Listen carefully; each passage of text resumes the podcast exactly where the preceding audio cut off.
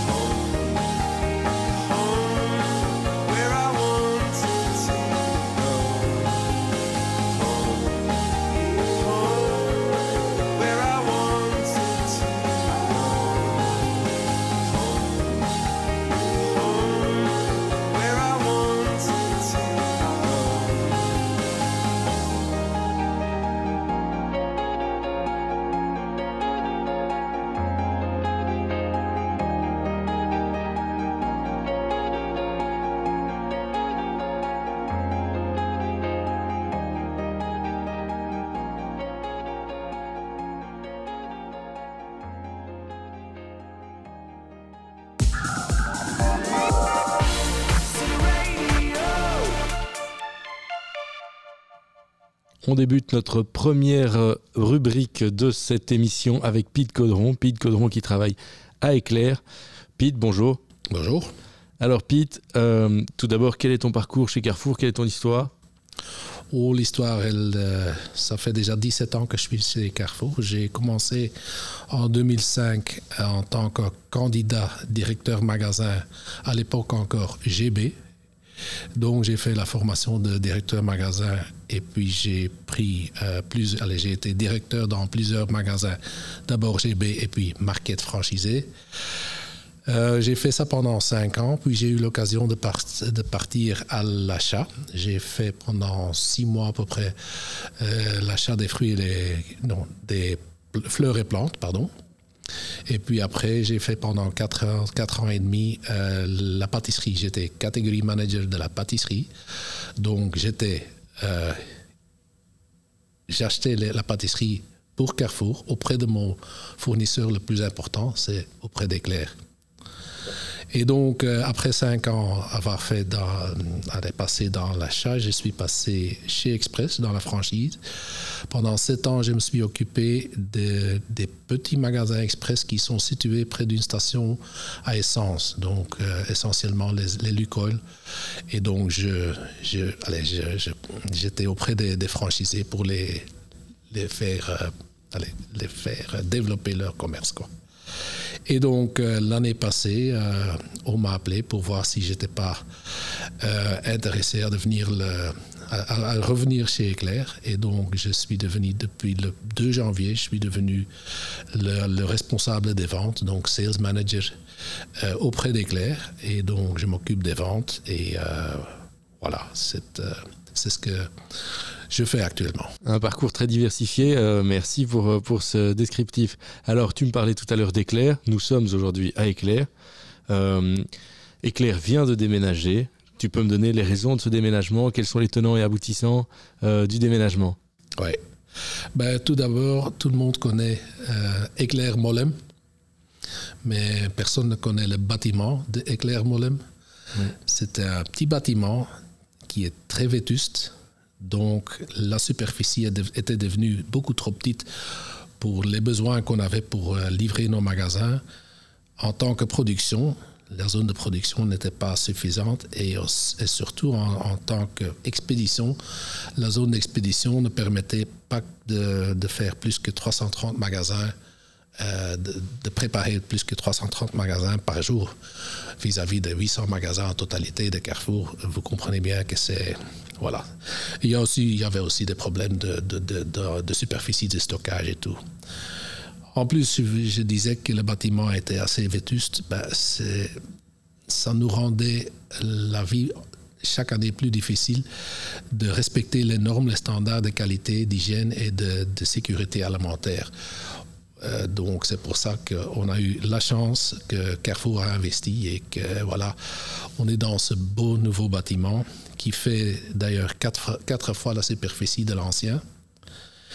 Et euh, voilà, on a déménagé, déménagé le week-end du 17 au 18 septembre. Ah oui, et donc le déménagement, le 17-18 septembre, un peu comme, euh, comme nous à Zaventem au headquarter. Oui, oui, toutes les, les sociétés de déménagement ont fait des, des heures supplémentaires à Voilà. ce moment-là. Oui, oui, oui. Et donc, quel a été l'impact opérationnel? Comment s'est passé concrètement pour les magasins le, le déménagement? Ben, les déménagements, en principe, ils n'ont pas euh, ressenti le, le- le changement, puisqu'on est resté avec la même caden- cadence de livraison, avec les mêmes. Il y a eu ici, et là quelques manquants sur les slow movers, mais on a essayé de limiter ça vraiment à un, niveau très réduit. Et voilà, on a eu bien sûr longtemps le temps de préparer tout ça et on a fait ça le déménagement, on le fait en quatre phases. On démarre en quatre phases. C'est-à-dire la ligne, la ligne bake-off, comme nous, comme nous l'appelons, c'est là où on fait les tartes fraîches chaque jour. Euh, là, cette ligne-là, elle a travaillé la dernière fois le samedi 17 euh, septembre à Molem.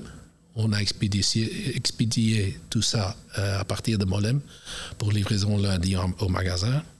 Et le lundi 19, donc il y a juste un jour entre les deux, on a démarré la production de la pâtisserie fraîche en bake-off ici à Ternat. On l'a expédié d'ici. Donc pour les magasins, il n'y avait pas d'interruption. Il y avait tout allait, tout allait normal. Ok, pas d'impact magasin. Et donc, euh, tu me disais Peu d'impact. peu d'impact magasin. Pete, une question un peu plus personnelle. Euh, quelle chanson as-tu choisi de nous partager aujourd'hui pour les auditeurs de C-Radio Ben, C'est une chanson qui date de 18 1986. C'est un groupe australien qui s'appelle The Triffids. Ils ont fait une chanson qui s'appelle Wide Open Road, qui pour moi a deux allez, signifie deux choses. Euh, ma femme et moi, on a fait un voyage en, en 95 en Australie et ça, c'était vraiment notre musique de, pour découvrir les Wide Open Roads de l'Outback en Australie. Mais aussi, c'est une chanson qui dit que, que voilà, tout ce qu'on vit après, il y a toujours une Wide Open Road, une route grande ouverte vers le futur. Donc, euh, ça, c'est devenu ma devise. Quoi. On espère qu'on va tous bien la voir, cette route vers le futur. Merci se l'écoute. Merci.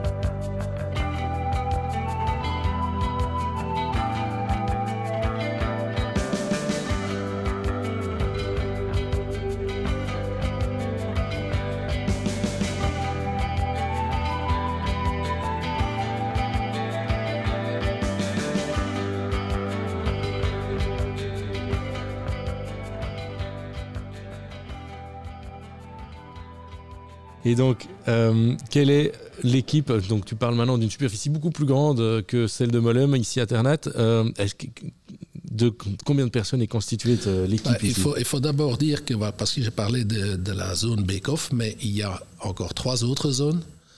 Qui était prévu de démarrer un peu plus tard, ben, on a notre ligne d'événements. C'est une ligne où on fait donc les bûches de Noël, mais tous les grands événements. Ben, tout ça, euh, cette ligne-là, elle a démarré le 28 septembre. Euh, puis la semaine d'après, le 3 octobre, on a redémarré donc la ligne éclair où on peut faire chaque nuit une trentaine de mille de- d'éclairs. Euh, et puis la dernière zone, c'est le four-tunnel qu'on a dû récupérer à Molem et qu'on a réinstallé ici. On est en train de la réinstaller. Elle va être en ligne en principe fin de la semaine prochaine vers le 20 octobre.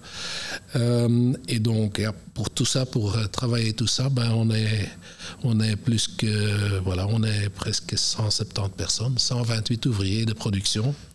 Il y a 7, sept personnes dans l'équipe de nettoyage, il y a neuf employés et, euh, assistants, et euh, nous sommes huit managers pour gérer tout ça. Donc, euh, on est nombreux, mais avec l'expansion qui va probablement se faire, ben, il y a bien sûr le problème de recrutement qui se, passe partout. Ben, nous, on souffre aussi, mais voilà, on, travaille dessus.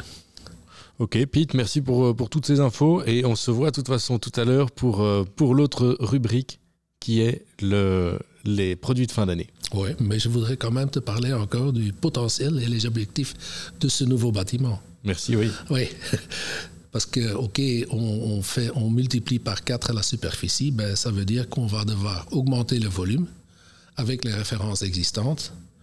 Euh, mais bien sûr, on va aussi introduire des nouvelles références, nouveaux produits que la nouvelle ligne de tarte, elle va permettre de faire. Vous, verrez ça courant de la- de l'année euh, prochaine, mais donnez-nous un peu de temps parce que c'est pas, pas si simple que ça. Euh, donc, l'ambition, c'est de livrer tous les magasins intégrés franchisés de Belgique. Euh, et la nouvelle zone d'expédition le permettra parce qu'il y aura plus de place pour, pour, euh, pour faire ça. Et il y a bien sûr la Carrefour, euh, les- autres pays de Carrefour, Carrefour Roumanie, euh, qu'on livre déjà et on est en train de négocier pour Carrefour France. Donc ça, ça pose euh, des gros défis, mais euh, un très beau projet, Des belles ventes en perspective. tout à fait. Ok, ben merci beaucoup. Euh, Pete, ben, comme dit tout à l'heure, on se voit après pour la fin d'année. OK, Merci. merci.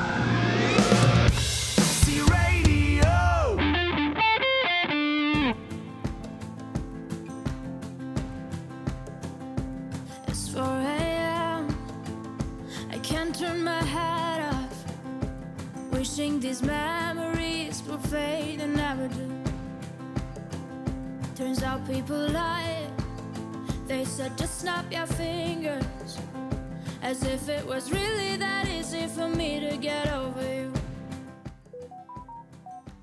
I just need time. Snapping one, two. Where are you?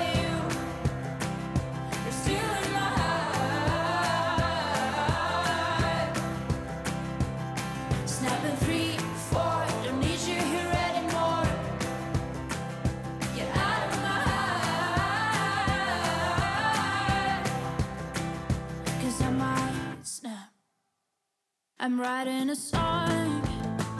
So this is the last one. How many last songs are left? I'm losing count.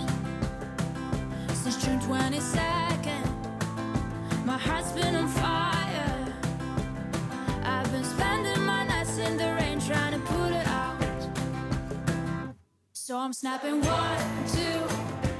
Where are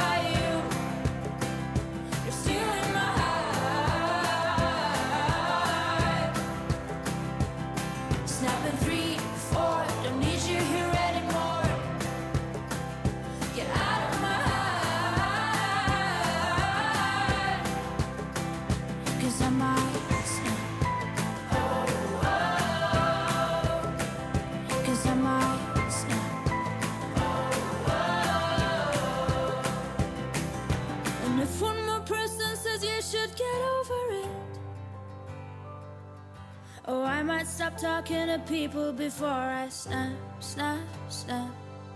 Oh, I might stop talking to people before I snap.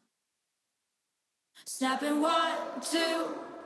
Where are you?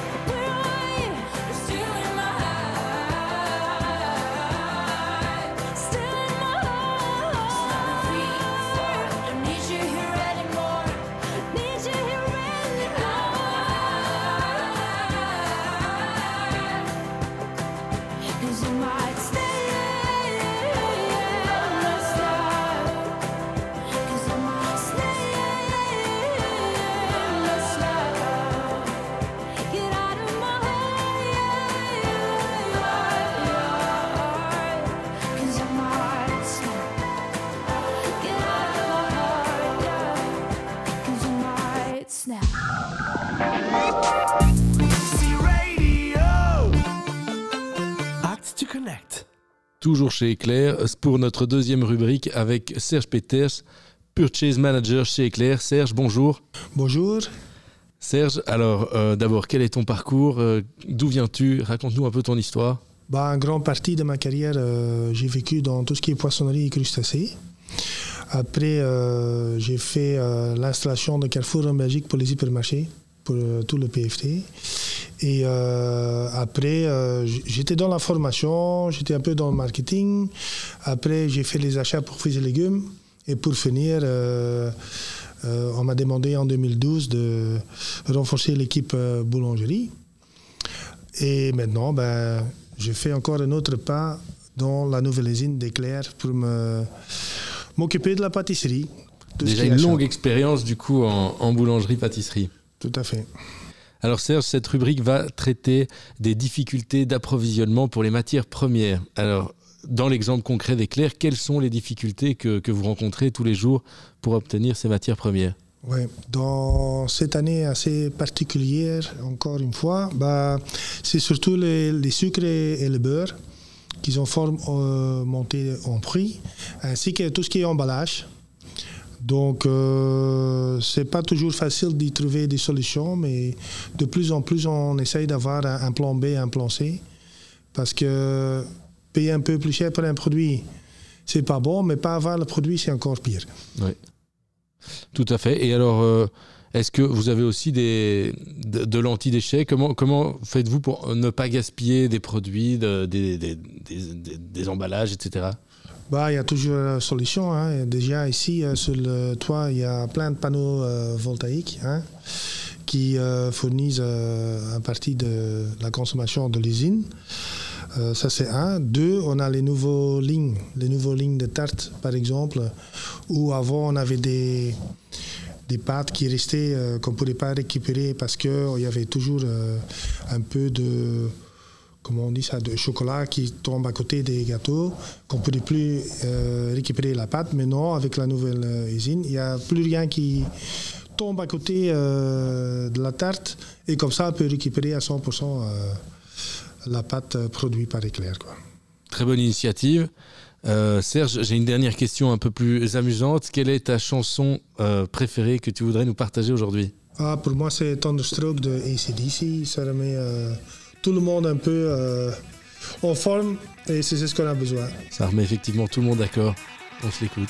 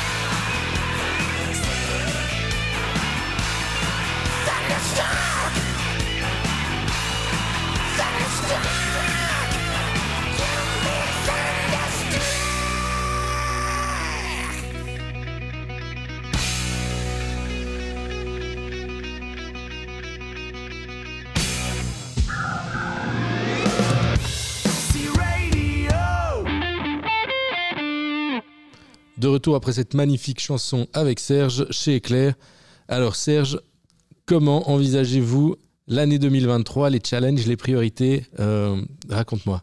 Oui, bah, au niveau de matières premières, euh, on prévoit quand même encore euh, des hausses, un peu, surtout dans tout ce qui est énergie. Parce qu'à la boulangerie, tout doit être cuit, il faut comprendre. Donc, euh, il n'y a pas de, secret euh, que les prix des gaz et d'électricité, euh, ils ont fort monté. Et ici, en Belgique, on a quelque chose qui s'appelle l'indexation des salaires, qui va coûter aux entreprises 10% en plus que l'année cette année-ci. Quoi. Donc, c'est encore un fameux challenge qu'on doit réussir. Voilà. Ok, ben oui, c'est effectivement des, des challenges pour 2023 qui s'annoncent importants.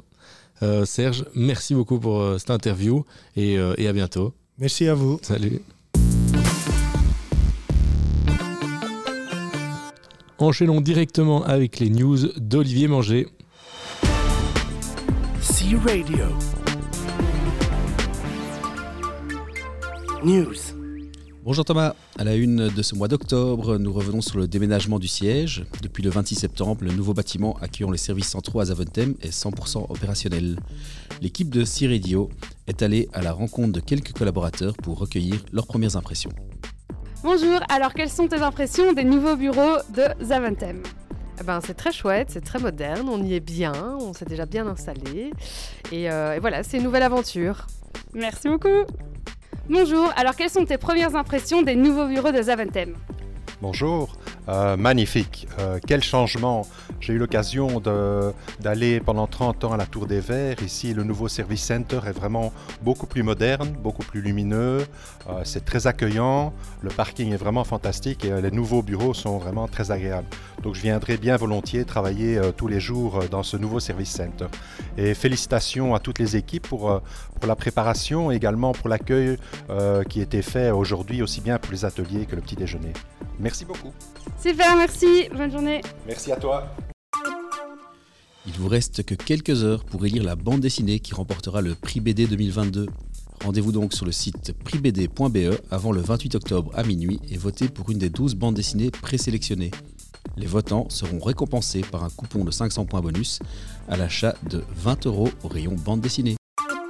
Dans le cadre de la Coupe du Monde de football du 19 octobre jusqu'au 12 décembre 2022, Carrefour met à l'honneur son partenariat avec nos Diables Rouges à travers un album Panini exclusif avec ses 132 vignettes à collectionner. À la clé, pour tout album complet, 25 000 places disponibles à prix réduit pour un match à domicile des Diables et de nombreux produits merchandising à prix réduit. Depuis le 1er octobre, c'est un COMEX fortement remanié qui a été mis en place à la tête de l'entreprise. Nous soulignerons notamment l'arrivée chez Carrefour Belgique de Eddie Gendreneau, directeur des ventes et du concept, et de Mathieu Hulens, directeur e-commerce, data et transformation digitale, ainsi que le départ de Hilde de Cat après une belle carrière de 28 ans au sein de Carrefour. C Radio.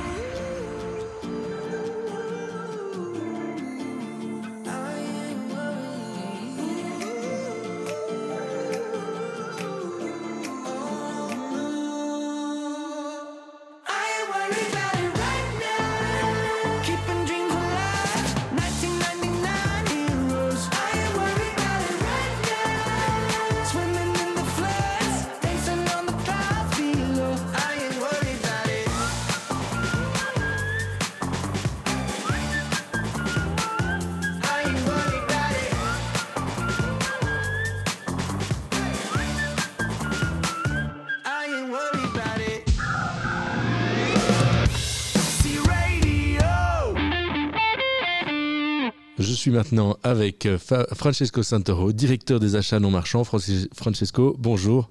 Bonjour. Alors Francesco, euh, est-ce que tu peux nous parler d'abord un peu de toi, ton parcours chez Carrefour? Bien sûr, donc ça fait plus ou moins 18 mois que je suis chez Carrefour. Première expérience dans le retail, j'avais vraiment euh, aucune expérience auparavant. Et euh, évidemment, je suis italien, ça fait 11 ans que je suis en Belgique et j'ai plutôt un background qui euh, euh, m'a ramené dans différents endroits, surtout l'automotive, le manufacturing, la production et euh, maintenant la banque aussi. Et maintenant, voilà, le retail. Un parcours impressionnant et un bel accent chantant. Ah, merci. Euh, donc Francesco, on est là pour parler de l'anti-gaspi. Alors quelle est la définition de l'anti-gaspi? Bon, euh, on pourrait utiliser la, définition du questionnaire, mais je pense que là, euh, il faut la contextualiser dans le mandat que nous avons eu de la part de Francis et de Geoffroy. Et c'est plutôt une approche qu'on doit avoir au niveau de l'entreprise pour éviter effectivement de gaspiller euh, sur certaines typologies de coûts sur lesquels on devrait être beaucoup plus attentif euh, et donc surtout euh, des fois éviter même de faire des dépenses pour nous assurer un certain niveau de gain vu le contexte hyperinflationniste euh, dans lequel évidemment nous avons vraiment des énormes problématiques d'augmentation de coûts pas que de l'énergie, évidemment. Et donc, on doit vraiment faire une énorme attention euh, à essayer d'être toujours vigilant dans la manière dans laquelle on gère le day-to-day et dans les magasins et dans les HQ. Et donc, vraiment un focus énorme là-dessus pour euh, éviter d'avoir des coûts qu'on pourrait tranquillement éviter. Ok, donc euh, tu disais que ça concerne tout autant les magasins que le headquarter. Euh, c'est une bonne chose, donc on y travaille tout le temps.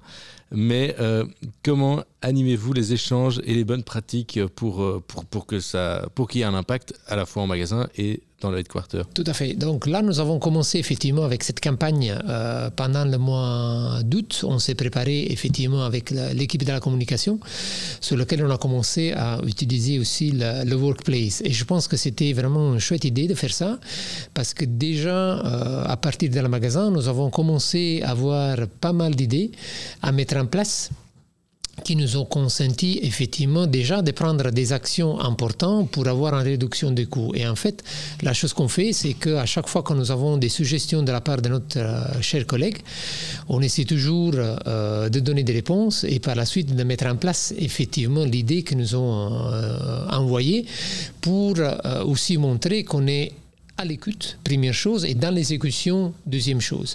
Ça, c'est la partie magasin. Euh, pour la partie HQ, évidemment, nous sommes en train de euh, travailler toujours avec notre collègue et avec les business owners pour faire un travail un petit peu plus de fond, parce que là, on connaît euh, un petit peu plus les budgets, on connaît un petit peu plus les dépenses, et on essaie toujours d'individuer certaines typologies de dépenses qu'on pourrait être effectivement d'abord challengées par nous-mêmes, achats non marchands, et deuxième chose, qui pourrait être arrêtées parce qu'on ne voit pas trop euh, des fois l'intérêt, euh, des fois on, fait des choses pour lesquelles on n'est pas très sûr du résultat, Euh, on n'est pas très sûr qu'est-ce que ça pourrait être l'outcome, et donc dans un contexte actuel, alors c'est là que nous, on, prend immédiatement des décisions ensemble avec le business owner pour effectivement arrêter la dépense et essayer toujours de ramener des gains à la société.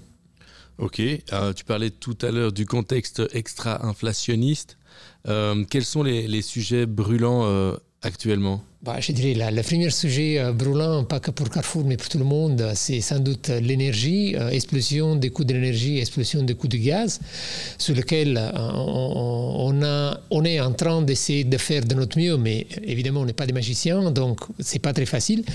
Mais quand même, on a essayé de faire des actions aussi pour euh, notre magasin intégré, mais aussi pour les franchisés, parce qu'on on a donné la possibilité de rentrer dans un, accord- autre cadre sur l'énergie avec, euh, avec Engie, que j'espère va ramener un petit peu de bonheur pour notre franchisé. Et euh, les autres éléments sur lesquels on est toujours actif, vous ne pouvez pas imaginer, moi-même et mes collègues, combien d'appels on reçoit depuis le mois de mars de cette année de la part de tous les fournisseurs qui nous disent qu'il y a les coûts des papiers qui ont énormément monté, les cours du carburant qui ont monté, euh, les cours de salaire, les coûts de salaire qui ont monté, et donc ils reviennent vers nous avec des augmentations de prix qui sont quelque part justifiés, mais pour lesquels nous, on ne peut euh, jamais accepter parce que sinon notre prix en direct va, va juste arriver euh, au top du ciel. Et donc, on doit toujours essayer vraiment de faire un maximum pour e- e- essayer de faire le mieux pour Carrefour. Donc, on est toujours dans la négo, toujours un petit peu dans la bataille, essayons de mettre en place différentes typologies de discours pour vraiment essayer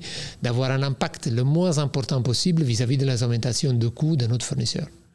Très intéressant. Francesco, merci à toi et à toute ton équipe pour, euh, pour ce que tu fais. Euh, J'ai une dernière question un peu plus légère. Mhm. Euh, Francesco, quelle est la chanson que tu souhaites nous partager aujourd'hui? Mais là, c'est très facile. Tout d'abord, merci à vous pour cette euh, sympa possibilité que vous avez donnée. Et la chanson, comme je viens de Napoli, évidemment, ma chanson va être Napolè de Pino Daniele. C'est un must chez moi. Merci beaucoup. Impatient de découvrir. Merci Francesco. Merci à vous.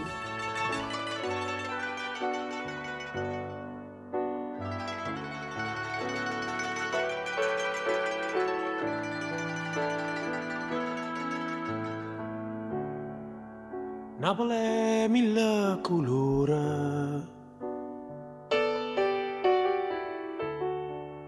Napoli mille paure.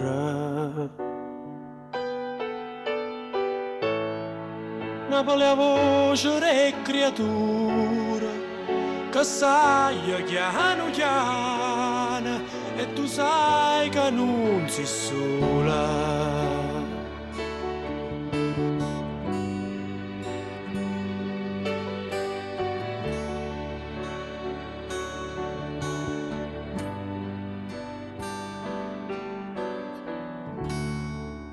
una plena sola mare. Una plena duri mare. Una plena carta sporca e nessuna se ne porta e ognuno aspetta sciorta.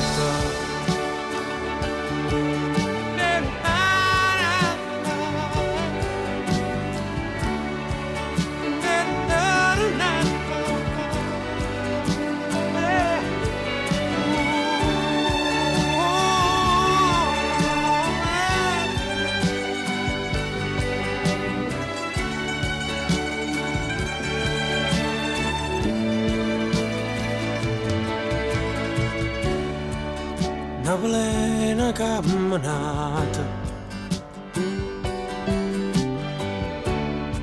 Prendevi che mi è salata Napoli è tutto un sogno E a sabato tutto mondo Ma non sa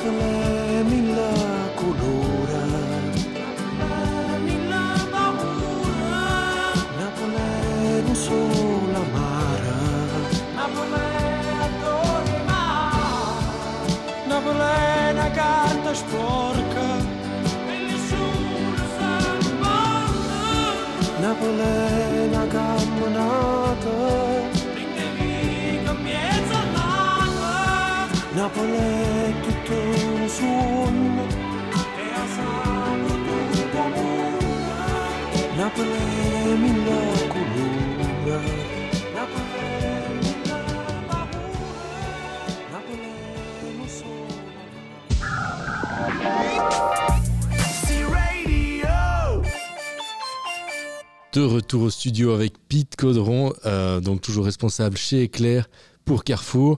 Euh, Pete, à nouveau, bonjour. Bonjour. Euh, donc Pete, on va parler maintenant de la fin d'année. Alors, comment est-ce qu'une fin d'année se prépare en pâtisserie chez Eclair Ben, le fin- la fin d'année, c'est l'événement le plus important pour nous dans la pâtisserie. Donc, euh, c'est très important de bien la préparer. Ben, nous, la préparation commence déjà au mois de janvier. Parce qu'au mois de janvier, on reçoit le feedback de nos clients, on reçoit le feedback de nos magasins mais aussi notre propre feedback de la production qui donne des informations sur ce qui allait et ce qui n'allait pas. On a aussi bien sûr une vision sur les chiffres d'affaires par référence, par enseigne, par... Allez, on a le détail des ventes et là c'est intéressant de voir les top vendeurs mais surtout les flop vendeurs. Et donc c'est à ce moment-là qu'on commence à développer euh, l'assortiment. Donc tu développes l'assortiment sur base de feedback, ça c'est quand même très intéressant puisque c'est à la fois des feedbacks magasins, à la fois des feedbacks clients et de ta production. Euh, mais alors quand est-ce que vous validez cet assortiment finalement? Ben, une fois que le feedback est là et que les analyses sont là, ben, c'est notre chef pâtissier euh, Nick de Bloch euh, qui commence le développement de l'assortiment en fonction du feedback. Euh, donc, on, on- on décide de, supprimer des, flops, on décide de modifier des références existantes et on fait le développement de nouvelles références. Et tout ça, c'est un, va-et-vient entre notre chef pâtissier, moi en tant que responsable des ventes et bien sûr entre Carrefour, la catégorie manager de Carrefour chez Nayas, qui donc nous sommes en, en permanent contact pour développer, développer donc cet assortiment en, en fonction des besoins, mais aussi en fonction du marché. Quoi. Ok. Et donc, euh, tu parlais des, des, des assortiments. Et alors, j'imagine aussi que les magasins te refont des, des remontées quantifiées, quantifiées de ce qu'ils veulent. Quand est-ce qu'ils t'envoient ces, ces quantifications? Ben, tout d'abord, tout ça est clôturé, donc l'assortiment, il est, il est vraiment clôturé début mai. Et puis, on commence la préparation, c'est-à-dire euh, préparer des dossiers, des informations pour les magasins pour qu'ils puissent se faire une bonne quantification.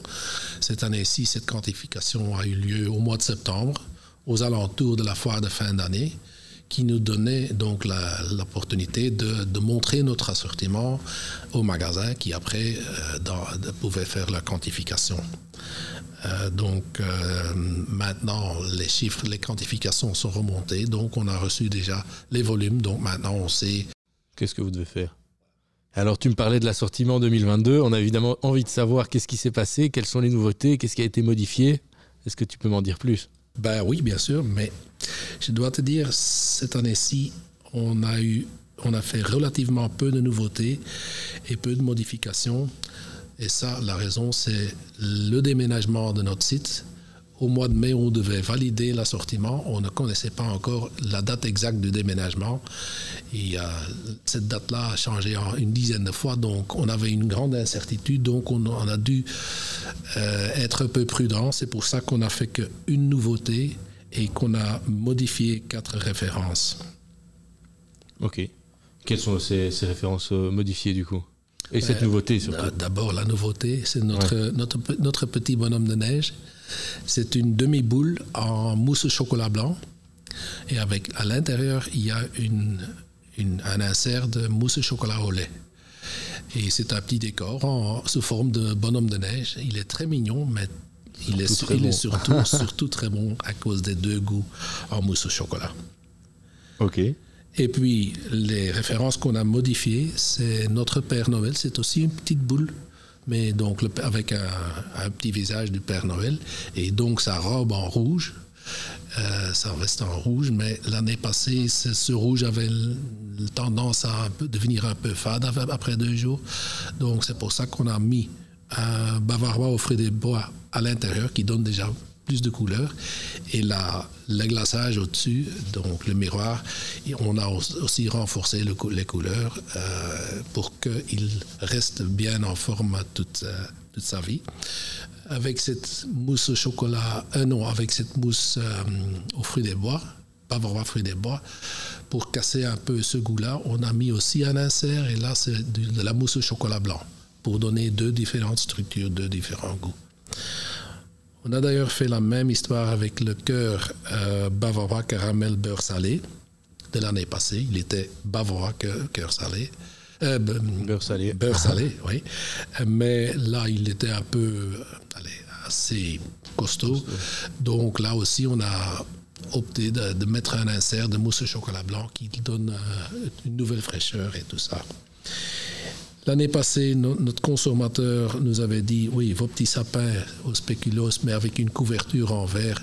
Nous, on n'aime pas manger de la nourriture qui a une couleur verte, donc on l'a changé. Maintenant, c'est donc euh, en couleur spéculoos. Et dernière chose, c'est les petits cœurs Frésia. Euh, là, on a aussi renforcé le miroir, le glaçage au-dessus. Il est vraiment d'un rouge en- intense, qui reste bien. Donc, ça, c'est euh, une, très belle, une très belle gamme. euh, On a déjà l'eau à la bouche à, l'idée de, voir tout ce qu'on va pouvoir déguster cette fin d'année. Alors Pete, encore une question. Quels sont, sont, enfin encore deux questions. La première, quels sont les top vendors de, de cette gamme? Les top vendeurs, ça, ça reste très classique, mais on voit les dernières, années quand même une tendance vers plus de mini portions. Donc on a les mini pâtisseries, on a les macarons, euh, mais bien sûr les grands classiques, ça reste les bûchettes à la crème au beurre mocha. Ça c'est incontournable. Ça, ça reste, c'est un, grand classique. Même chose pour le trio de bûchettes, trois petites bûchettes en trois goûts différents. Ensemble dans un blister, ça donne l'occasion aux gens de, de- de ch- de changer un peu, de partager. Et euh, pour cette année-ci, euh, on a retravaillé la fameuse bûche Hawaï. On l'a d'ab- d'abord rebaptisée. On elle elle s'appelle maintenant la bûche ananas. Donc c'est un produit euh, très bon, mais assez simple, avec euh, de la chantilly et de l'ananas à l'intérieur. Mais là, on travaille surtout sur le prix, sur le pouvoir d'a- d'achat, parce que cette bûche-là, c'est une bûche de 6 personnes et on va la proposer à 6,99 euros seulement. Donc ça, question... De quoi faire plaisir à nos clients Tout à fait. De quoi vous, euh, à propos du pouvoir d'achat, tout à fait, oui. Alors, dernière question plutôt personnelle. Quel est ton dessert préféré à toi et pourquoi? Oh, moi, je, je suis un grand fan du, de notre Trianon. C'est donc une, euh, une mousse au chocolat noir sur un fond biscuit avec un pralin, un petit croquant dedans. C'est c'est une tuerie. C'est vraiment une tuerie. Et euh, comme tu peux voir, euh, j'en consomme un peu de trop. Bon, non, tu es parfait. Mais euh, c'est vrai que ce produit est connu de tous, dans le régulier, disponible toute l'année. Tout à fait. Et euh, donc, à, à tester pour ceux qui ne l'ont pas encore fait. Pete, un grand merci de nous avoir reçus ici chez Éclair. Avec beaucoup de plaisir. Et, euh, et peut-être on se revoit bientôt. Ben, j'espère. Merci. Merci. Nous arrivons enfin à la fin de cette émission chez Éclair. Euh, donc pour conclure, euh, nous avons eu des interviews de Pete qui nous a mis l'eau à la bouche avec les produits de fin d'année euh, et qui nous a décrit les coulisses du déménagement de Éclair de Molem vers Ternat. Serge nous a ensuite parlé des difficultés de s'approvisionner en matières premières, plus les plans anti-gaspi euh, qui étaient développés chez Éclair. L'anti-gaspi qui a été abordé plus en profondeur par, euh, par l'interview de Francesco. Alors si vous aussi vous avez les bonnes pratiques anti-gaspi, n'hésitez pas à nous les partager sur hello underscore at carrefour.com. Merci pour votre écoute attentive. On se quitte tout de suite en musique avec euh, cette chanson de Diaz du même titre, Euh, un artiste belge qui mérite d'être plus connu.